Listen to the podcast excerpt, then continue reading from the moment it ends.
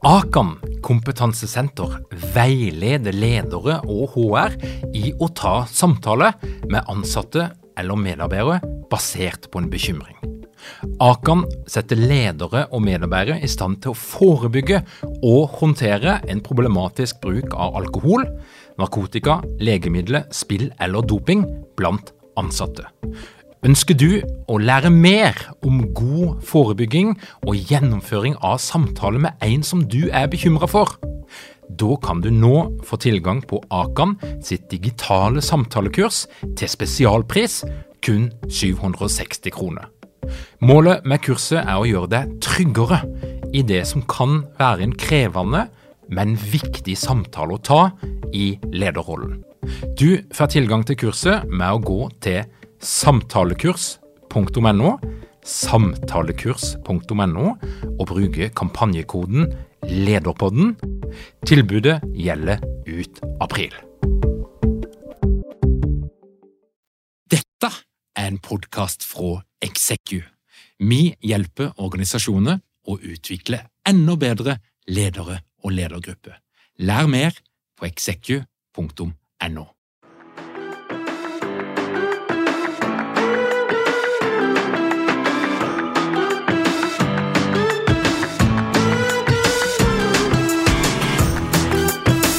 Velkommen til Lederpodden. Mitt navn er Tor Åge Eikerapen. Jeg jobber som organisasjonspsykolog med leder- og ledergruppeutvikling. Og dette her er en podkast om ledelse. Jeg tror alle skjønner at det er mye psykologi i det å utvikle gode brukeropplevelser og digitale tjenester. Men hvorfor er det ingen som har skrevet bok om det før, på norsk? Det lurer jeg på. Heldigvis har boka nå kommet. Den heter Design og psykologi, og den er skrevet av psykolog Lars Hære og designer Erling Homsø. Men først skal du få et par ord fra Ellen Holt, tidligere deltaker på lederprogrammet, som i dag jobber som leder i Sveko. Ellen, var det verdt det? Ja, det er skikkelig kult, faktisk. For den følelsen sitter jeg Det er så eh, tydelig for meg at det her angrer jeg ikke én krone på. Så jeg kjørte jo full pakke. Ambisiøs og personlighetstest og alle moduler. Og jeg har hatt så god nytte av det. Jeg jobber jo med mennesker. eh, Masse mennesker. For jeg jobber også parallelt i mange prosjekter og dealer mye med mellommenneskelige ting og tang. Så jeg har fått veldig mye av lederprogrammet i form av konkrete verktøy. Og jeg satte også veldig pris på de breakout roomsene, hvor jeg fikk eh, på en måte kjørt meg litt da, i kleine situasjoner med andre. Hvor man også får For det første så får du brukt den kunnskapen du akkurat har fått tilegna deg, i praksis med andre, og så får du tilbakemelding med en gang. Litt sånn Kan kanskje ordlegge deg annerledes, eller eh, hvordan, hva tenker du om hvordan mottakeren tok dette? det har vært så gull, for du har fått trent deg. Jeg har også tatt fram liksom kleine situasjoner som jeg ikke har villet snakke om. Og så har jeg tatt det da i breakout rooms og i læringsgruppe. Så jeg har virkelig lært uh, mye om det. Og for min del så handla det jo også om å få en litt uh, kunnskapsgrunnvoll for ledelsesfaget. Og jeg har fått nyvunnen respekt for at ledelse faktisk er et fag. At det er veldig mange ferdigheter som man kan lære seg. Og som vi har hørt også fram til nå, at det altså er veldig viktig å øve. Så jeg, jeg, har fått masse å øve på, og jeg får praktisert det med en gang. Det har vært så deilig. Velkommen til Lederpodden, Lars og Erling. Takk skal du ha. Veldig, veldig kjekt å være her. Velkommen skal dere være, og jeg pleier jo alltid å starte med et spørsmål, og det jeg er mest nysgjerrig på, det er jo hva er det som er deres faglige lidenskap? Erling, come on, take it away. Ja, det er, jeg må si det er litt, sånn, litt vanskelig for meg å svare på det spørsmålet, for at jeg har en veldig mm, uakademisk bakgrunn. Jeg har ingen formell utdannelse. Alt jeg kan, har jeg lært meg sjøl. Så min faglige lidenskap ligger mer i hva jeg kan oppnå. Altså det å lage ting som folk setter pris på. Det er det som ligger til grunn for alt det jeg gjør. Så det faglige, det, om det er designmetodikken, som jeg jobber veldig mye med og er veldig begeistra for, og har troen på at kan løse veldig mange av de problemene vi har i eh, alt fra ledelse til produktutvikling til verden i dag, eh, til ting som handler om mer tek av teknisk natur, eller eh, hva det måtte være. Så jeg har en veldig brei faglig fokus, men vitenskapen ligger i å lage ting som folk setter pris på. Jeg synes, det var veldig godt formulert. Lars, hva er greia di?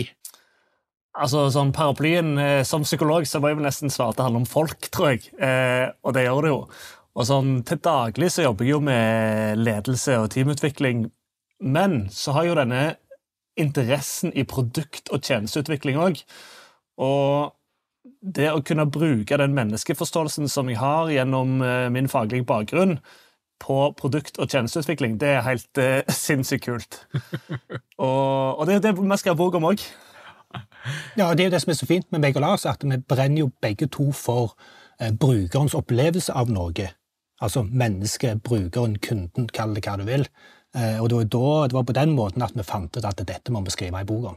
Ja, og da ble jeg nysgjerrig på hvordan dere møttes første gang og skjønte at dere hadde noen interesseområder som eh, hadde noe med hverandre å gjøre? Jo, altså, jeg, jeg, jeg aner ikke at det første gang vi møttes var, for at eh, Lars er bror til Knut.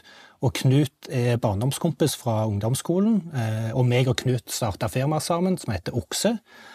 Men eh, Lars har vært involvert i dette her helt fra starten av. Han har kommet med sitt eh, psykologperspektiv, som har vært ekstremt nyttig hele tida. Men så var det et eller annet punkt hvor jeg bare sendte en melding til Lars og spurte hva bøker må jeg lese for å få meg en, en, en, en grunnutdannelse i psykologi. Og da sa han det spørsmålet kanskje jeg svarer på før vi har snakket sammen. Så møttes meg og Lars og samboeren til Lars Tine i en kveld, jeg vet ikke om det ble tre eller fem eller seks eller sju timer, og så snakket vi bare om design, designmetodikk, brukerfokus, og Lars altså Jeg får frysninger bare jeg forteller det. Lars begynte å snakke om emisjonsfokusert psykologi, og alle de, de konseptene som gikk så godt i sammen. Da, da tenkte vi at dette kanskje vi bare holder for oss sjøl. Vi må dele dette med andre. Dette er for bra til at det, ikke, at det skal forbli forbi disse fire veggene.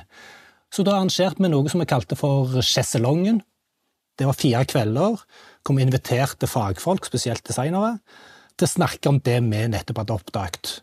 Og den mottakelsen vi fikk etter de fire kveldene, var sånn Dette er det beste vi har vært på noensinne. Dette er helt sinnssykt rått. Og da er jo eh, veien kort til å tenke La oss skrive ei bok.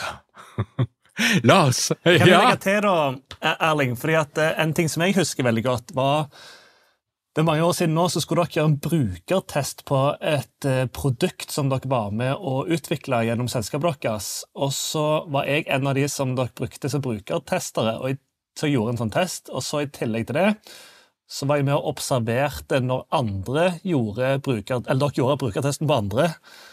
Så satt jeg der eh, bak speilet på en måte og så på disse folkene som brukte den nettsida som jeg testa.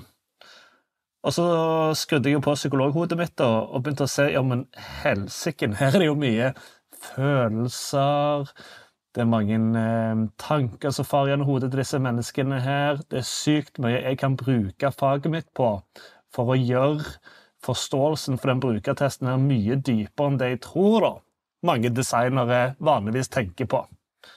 Mm.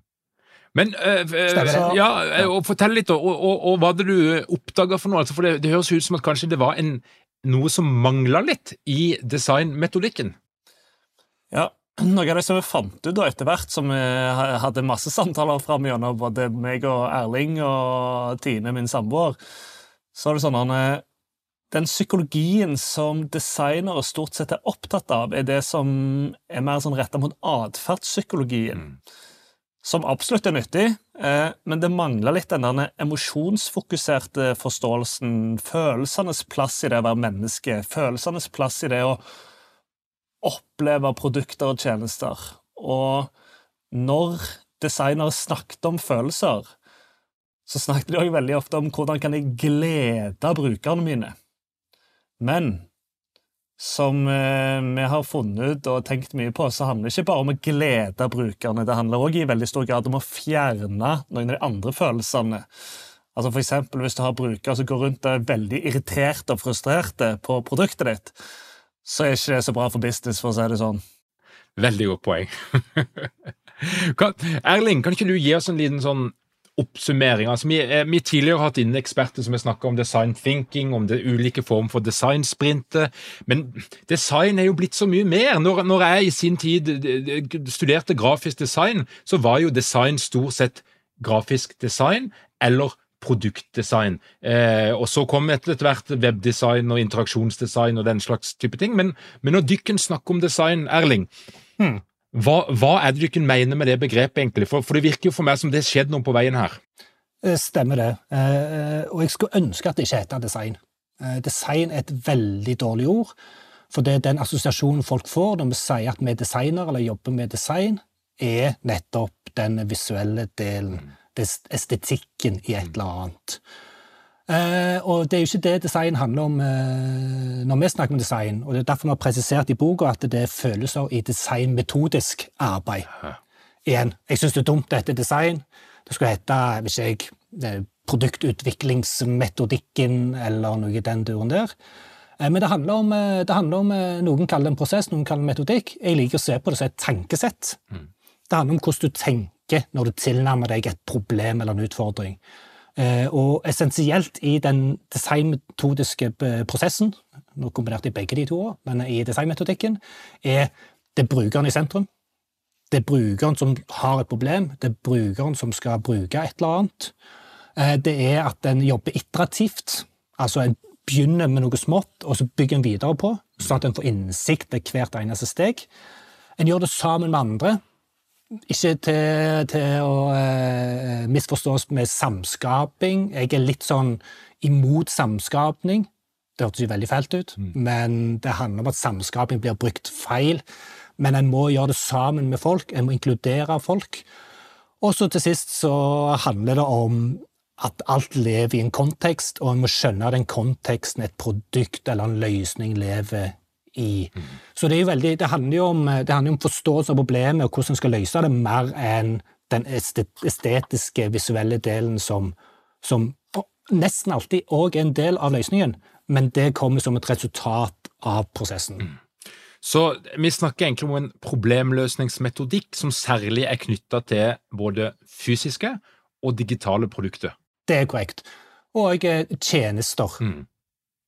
Uh, Lars, uh, psykologien, og, og, er det Du snakker om, om følelse og følelsene som oppstår hos bruker, men, men, hva er det følelse, eller psykologien kan bidra med for å gjøre denne type prosesser enda bedre? Det er et godt spørsmål. altså noe av det som vi har kommet fram til da, gjennom å prate å finne ut av hvilke deler av psykologien utenom atferdspsykologien som også er relevante for design, så er det jo én mye av dette som handler om emosjons fokusert eh, psykologi, altså hvilke følelser har vi mennesker? Mm. Har, vi har noen grunnfølelser som eh, frykt og tristhet og glede og sinne og avsky og litt sånn avhengig av hvordan du kategoriserer det, og som vi noe skam og skyld og stolthet og de tingene der.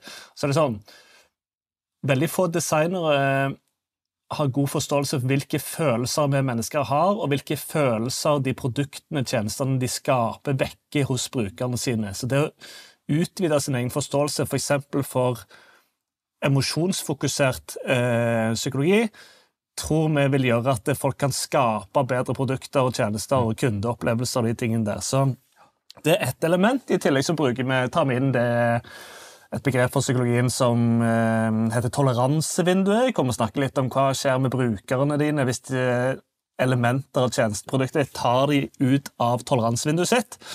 Hvordan oppleves det?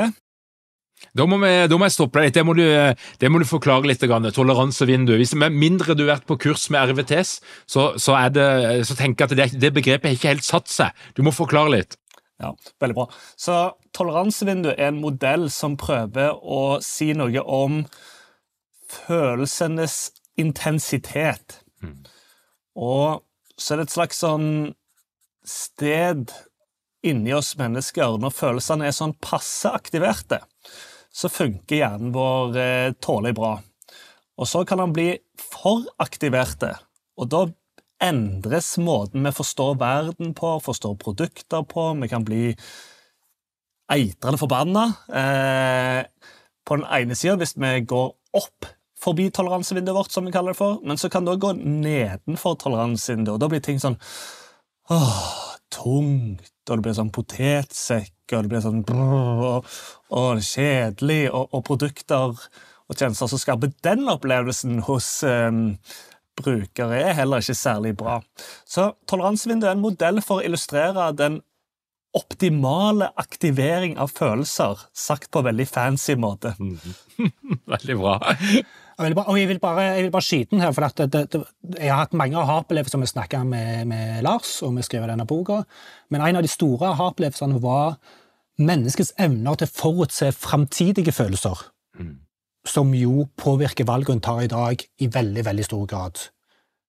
Så det, og, det, og det handler jo om toleransevinduet, det handler om, eh, om hva er det som kanskje vil føre til noe som er smertefullt eller skummelt mm. eller ekkelt eller trist for meg i framtida. Jeg kan dele en historie som eh, peker på akkurat hvordan det er relevant. Fordi For fire dager siden så skulle jeg til frisøren. Og da gikk jeg, satt jeg på nettet hjemme, fant jeg en ny frisørsalong, og så tenkte jeg nå skal jeg teste en ny frisørsalong. Så klikket jeg på 'bestill time'. Kommer det opp tolv alternativ for hvilken type time jeg skal velge. Og Da var det hårklipp, og så var det hårklipp vask, og så var det hårklipp ny frisyre, og så var det hårklipp X, hårklipp Y, hårklipp Z, osv. Og, og så var jeg sånn Vet du hva, jeg har jo ikke peiling på hvilke hårklipp jeg trenger. Så min hjerne, da, den automatisk så for seg det ubehaget at jeg har valgt hårklipp, den billigste, og så kommer jeg i salongen der, så sier frisøren ja, men du, du skal jo ikke ha sånn hårklipp, du må ha den andre hårklippen her, så du har trykt feil. Og det ubehaget jeg hadde kjent der, det ville jeg da unngå. Så det endte opp med at jeg eh, tok eh, den hårfrisørsalongen som jeg alltid pleier å gå til, istedenfor å teste det nye. På grunn av tjenesten var designa på en måte som hjernen til Lars ble redd for de fremtidige følelsene av å stå der og se dum ut av alt feil eh, type hårklipp. Så da bare Nei, gå tilbake til det som jeg ikke tror kommer til å vekke de ubehagelige følelsene i meg heller. Det som jeg kjenner, det som er trygt. Og henne i designprosessen av den frisørappen eller frisørwebsida, eh, var det det gikk galt? Hmm. Jeg tror, eh, jeg tror eh, For det de som har designa dette her, ikke um, Sannsynligvis var det ikke designere, først og fremst. Eh, for en designer vil ha gjort dette så enkelt som mulig, og velkjent innen design er at jo flere valg, jo mindre sannsynligheten for at noen tar et valg. Mm. Det er litt sånn nesten antiintuitivt. Men jeg tror ja, jeg, jeg, tror de som har bestemt seg for at de skal ha tolv alternativ, har tenkt igjen feilaktig. Og nå kan folk få velge hva de vil. En annen hypotese, og hypoteser kan vi komme tilbake igjen til, Lars. En annen hypotese er at de har et struktur i sitt system, at det er denne type timer de har der, og så en eksponert det for brukeren, som ikke har eh, kunnskap og erfaring med det systemet som ligger bakom. Ja.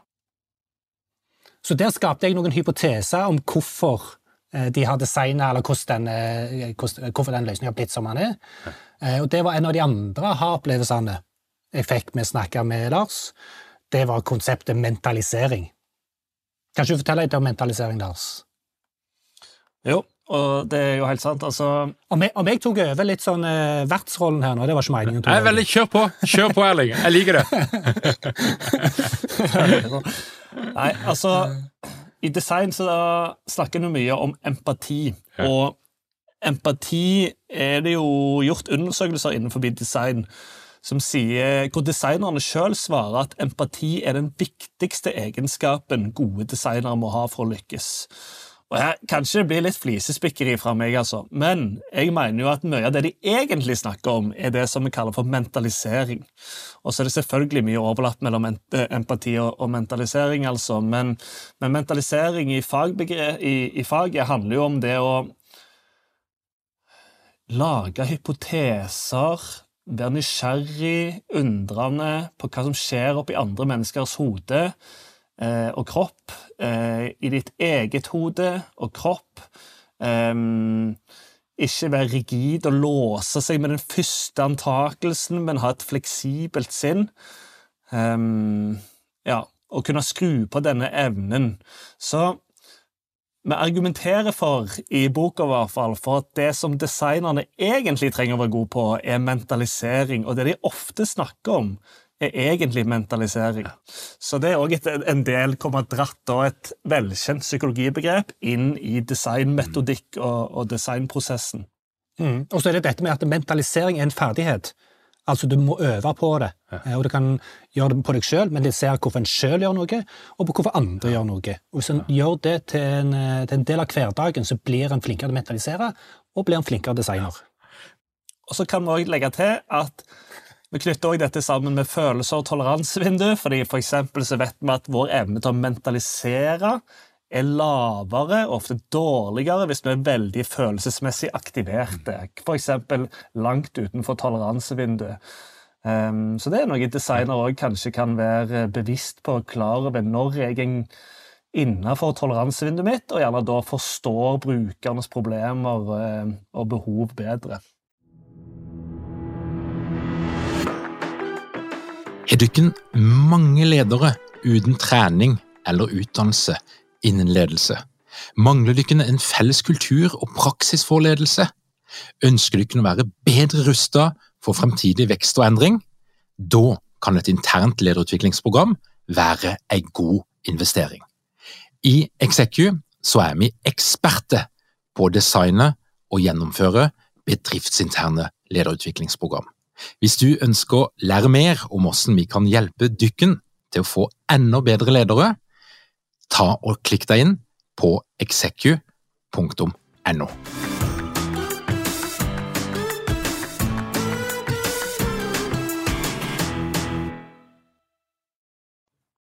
Men eh, jeg blir veldig spent her, for, for um, i designmetodikken så er jo den veldig stegvis. Den er veldig eh, Altså, det er en veldig godt beskrevet metode. Først gjør du det, og så gjør du det, og så skal du tenke alene, og så skal du få det opp på veggen, og så skal du velge ut.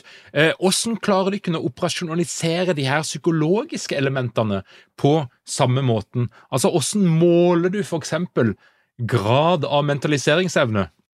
Ja, og her, nå, nå, pirker du borti noe her. Eh, for å ta det fra starten av. Eh, alle disse modellene som vi har, eller ikke alle, men i veldig stor grad, er en beskrivelse av noe folk gjør, mm. mer enn en oppskrift på hvordan du skal gjøre noe. Sånn som Den doble diamanten til designmetodikken fra Design Council UK.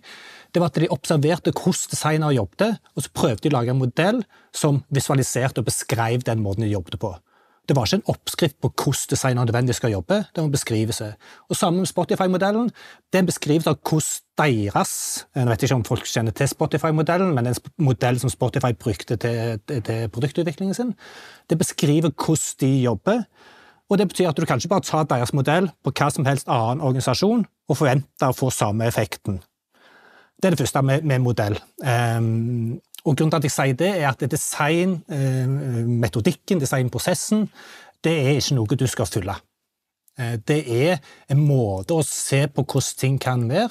Det er et tankesett. Det har en del ting du bør tenke på, og det er en viss sekvensiell eh, rekkefølge på det. Du må vite hva du skal lage før du lager det, osv. Så, videre.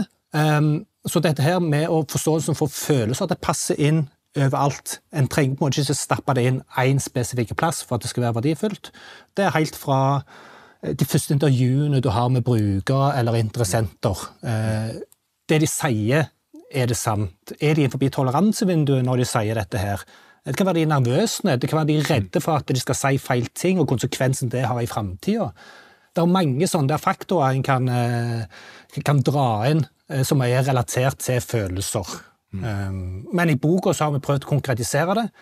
Og da kan vi introdusere liksom det siste konseptet som vi skriver om, det er psykodynamiske prosesser. Altså den følelsen som viser seg, er ikke nødvendigvis den første følelsen som oppstår i mennesker. Og Et klassisk eksempel der er at noen blir sint, men det de egentlig ble, det var redd.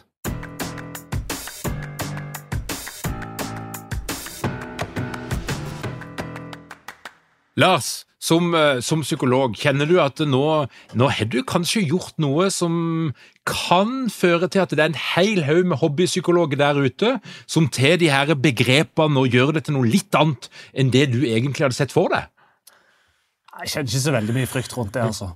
Men, men, men, altså, jeg, jeg liker spørsmålet ditt uh, veldig godt. For det er jo en sannsynlighet for at det skjer. fordi disse begrepene er komplekse, og, og jeg har brukt meg uh, seks år på å prøve å studere det her, og, og, mange år etterpå på å prøve å skjønne det.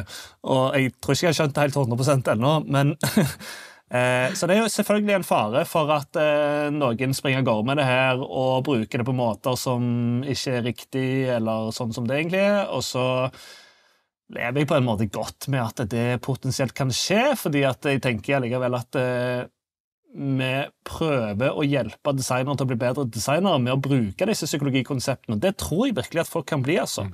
Så Vi gjør det med en god intensjon, mm. og så kan det selvfølgelig lande feil i noen tilfeller. Mm. Men eh, så håper jeg at i de fleste tilfellene at det lander bra. Ja, og jeg er sånn Jeg, jeg, jeg, jeg syns det er skikkelig dumt når folk gatekeeper ting. Når folk skal tviholde på noe og si nei, nei, nei, det er feil måte å tenke på det. det er feil måte å bruke Det Det er så dumt. Men vi må slippe det fri, og så må det få lov til å bli det det, det, det, det blir. Det som gir verdi, Gjerne en annen definisjon på mentalisering gir verdi for noen andre. Så lenge det gir verdi, så gjør det ingenting om den er annerledes for den vi har presentert. Du, Fortell litt. Denne boka er jo da, hvis jeg skjønner ikke riktig, først og fremst retta mot designere. Er det riktig? Folk som allerede er kjent med designmetodikken, og som praktiserer den i dag i en eller annen grad. Men, men hva, hva, hva, er det du kan håper å oppnå med boka? Og er drømmen? Min, ja, jeg kan si min drøm først er jo nettopp det å utvide psykologiperspektivet til designere. Og forresten så er det helt rett at målgruppa her er designere. Jeg tror psykologer som leser denne boka, her vil ikke få så mye ut av psykologibiten, for det er kjente konsepter. De vil gjerne få mye ut av designbiten, som vi òg har en del av i boka. Men målet mitt er å ja, ekspandere forståelsen for psykologi, fordi psykologi er et gigantisk fag, og design bruker 2% av det. Og vi kan kanskje gi en halv prosent til, da, i hvert fall. Og så, og så, tror vi at da kan designere være med å lage bedre produkter og tjenester for eh, verden der ute. Mm. Ja, det var et veldig fint svar, Lars. Det, jeg kan stille meg bak det svaret. Eh, jeg tror, eh, jeg tror denne forståelsen for eh, følelser i designmetodens arbeid kan endre Ikke nødvendigvis endre, men det kan, kan gi litt mer substans til det designere gjør. De får en dypere forståelse for effekten av og grunnen til de tingene de lager. Eh, men så vil jeg jo være ærlig på at eh, både det at å skrive ei bok Sakk så kult. Spesielt kanskje for meg, som har null formell utdannelse. Eh, jeg har fått publisert ei bok på universitetsforlaget hva, faen? Oi, skal gjerne ikke banne, men du skjønner hva jeg mener. Her er det, det er skamkult. Veldig kult. Og da, blir jeg jo, da lurer jeg litt på, hva, hva er det dere har lært av å skrive boka? Oh. Er det noe dere ser annerledes på nå enn det dere gjorde før? Det er eh, forbausende enkelt og overraskende omfattende å skrive ei bok. Det med å finne konsept har, har jeg nå lært, at, eh, for jeg har tenkt veldig mye på det. Det handler ikke om å skrive om noe som er revolusjonerende nytt. Det handler om å kanskje koble to ting som ingen har kobla før, eller gi sitt perspektiv på noe eksisterende. Så jeg driver og drar ned terskelen for folk flest. Alle kan skrive ei bok hvis de har et perspektiv eh, som det er verdt å fortelle om. Det trenger ikke være revolusjonerende nytt. Og så tar det jo tid å skrive bok. Det, det er enormt mye tekst. Vi brukte jo ti dager per side i snitt, for vi brukte fire år på å skrive denne boka. Det, det er helt sykt. Um, men så er hele prosessen med å finne en struktur som gir mening, og få en flyt gjennom hele boka, gjøre alt det som eh, forlaget ønsker at du skal gjøre. Og du skal jo gjøre redaktøren òg fornøyd, det er ikke bare oss og brukeren. Og så er det masse sånn småting mot slutten som må på plass, men i det store og hele så gleder jeg meg til å skrive flere bøker. Lars, og, opplever du, hvordan har det vært å skrive denne boka? Det, jeg synes Erling beskriver det veldig, veldig, godt. Og så kan jeg legge til at eh, jeg hadde en opplevelse her for um, et par dager siden når jeg var, endelig fikk boka i hånda. Og så kom jeg hjem på kvelden og pakket ut pakken som jeg hadde henta på posten med disse bøkene som jeg fikk fra forlaget, og så kjente jeg at eh, det er liksom litt sårbart. Nå står det der, og det står mitt ærlig sitt navn på det, og så er det sånn Shit, folk kommer til å vurdere det her eh, noen positivt og garantert noen negativt. og og det var litt sårbart. Så tenkte jeg sånn, da jeg gikk bort til bokhylla mi, så så jeg de andre bøkene, så tenkte jeg sånn alle de folkene som har skrevet de bøkene, der er ganske modige, faktisk. Det har jeg aldri tenkt på før. Eh, og meg og Erling er òg noen som er litt modige, som har gitt ut den boka nå. Så jeg fikk en Ja, større fint. innsikt og erfaring i at det er faktisk litt, litt skummelt. Så, men, men igjen, jeg ville gjerne ha gjort det igjen, og jeg kommer helt garantert til å gjøre det igjen, så, så eh, frykten holder meg ikke tilbake. Ja, veldig godt å høre. Er det, er det noe av det du kan skrive om som du kan se annerledes på? Altså, Er det noen av konseptene som, som har endra seg litt når du kan ha begynt å skrive det, og kanskje gå litt dypere i forskning og hva det måtte være? Er det noen sånn er det noen temaer der du kunne ha snudd litt, eller ser verden litt annerledes i dag enn det du kunne gjøre før? Mm, har du svar klart, Lars? Nei. Nei, nei, for jeg har, jeg har et- et perspektiv. for at Vi hadde jo en tanke når vi begynte å skrive boka. Og som redaktøren så fint sa, eh, en av de tingene vi har vært veldig flinke på, eh, og det er ikke nødvendigvis eh, nødvendigvis bra, men han mener at det har ført til noe bedre, var at vi var villige til å endre på konseptet fortløpende. Og det er jo i en designers natur, den itererende prosessen. Eh, Men det vi gjorde eh, omtrent halvveis, var at vi kutta halvparten av boka. For vi hadde en tanke om at vi skulle skrive om team og folk i teamet, organisasjonen, altså stakeholder, interessenter og ledere og folk som skal levere ting til deg. Og så prøvde vi å knytte sammen de med, med den der eh, sluttbrukergruppa som vi valgte å fokusere på. Og så merker vi at hver gang vi introduserte konsept, så var det sånn ja, hvis det er teammedlem, så kan du tenke på det sånn. Ja, hvis det er noen organisasjoner, så må du tenke på det sånn. Det, og så ble det veldig, veldig mye, så vi endte opp med å kutte 100 sider på ei bok som er 150 sider, eh, fordi vi ville spisse det. Og vi innså at eh, med å spisse det, så ble det med en gang veldig mye bedre bok. Så vi trenger bare skrive 50 sider til for å ha ei til bok, egentlig. Så det var trikset. Oppfølgeren er klar, og det ble en helt annen bok. Ja. ja.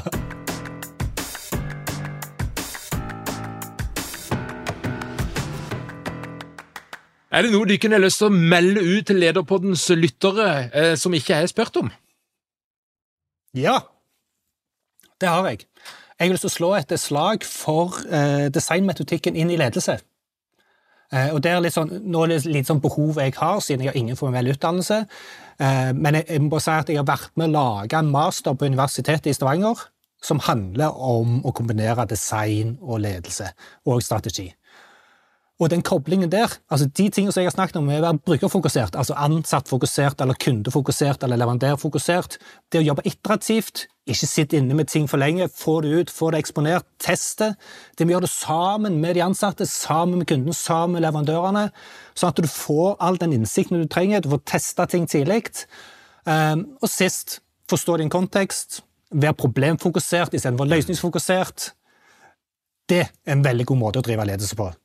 Og det, det, er jo, det, det er jo det jeg driver med til vanlig. Jeg, jeg er jo leder i Okse, og dette er prinsipper som vi lever etter. Veldig bra. Jeg kan legge til en ting. fordi det som, og Jeg er helt enig med Erling. altså Ledelse og design det er mange ferdigheter og tenkemåter som har stor overlapp der. Så kan jeg også, En ting som jeg er ekstremt opptatt av, da, det er at vi snakker for lite om følelser. Og følelsens betydning i oss mennesker. Og så er det mange som jeg møter som sier ja, men jeg har ikke så mye følelser, jeg er ganske rasjonell. Og så er jeg sånn, «Ja, ok, men Du har lav i det selvinnsiktet, tenker jeg i mitt hode. da. Men, Og så er det sikkert mange nyanser med det, da. Men, også, også, men, men allikevel, jeg mener det at folk hadde hatt det bedre med seg sjøl og hatt det bedre med de rundt seg, både venner, familie og kollegaer, hvis vi kan og forstår mer om egne og andres følelser. Så emosjoner, folkens, det er mye viktigere enn hva, hva mange tror. Dette her var jo en fantastisk hilsen nå som gjenger inn mot eh, jul. Lars og Erling, tusen takk for at dere tok dere tida til å komme til Lederpodden, og lykke til med boka og jobben! Tusen takk for at jeg kom. Hjertelig takk. Tusen takk, Torget. Veldig kjekt å være med. Veldig bra. Til deg som hører på, hvis du er nysgjerrig på alt som skjer i vårt lederunivers, kom deg inn på lederpodden.no, trykk på den rette knappen og se åssen følelse det skaper i deg. Legg igjen din e-post, og du vil få vårt nyhetsbrev i din innboks hver eneste fredag. Og hvis ikke du hørte, lederprogrammet som starter 13. februar, er herved utsolgt. Men fortvil ikke, vi setter opp ei ny gruppe med oppstart 14. februar. Det er fremdeles mulig å melde seg på, og adressen er lederprogrammet.no. Takk for at du hører på Lederpodden. Vi høres igjen om ei uke. God jul!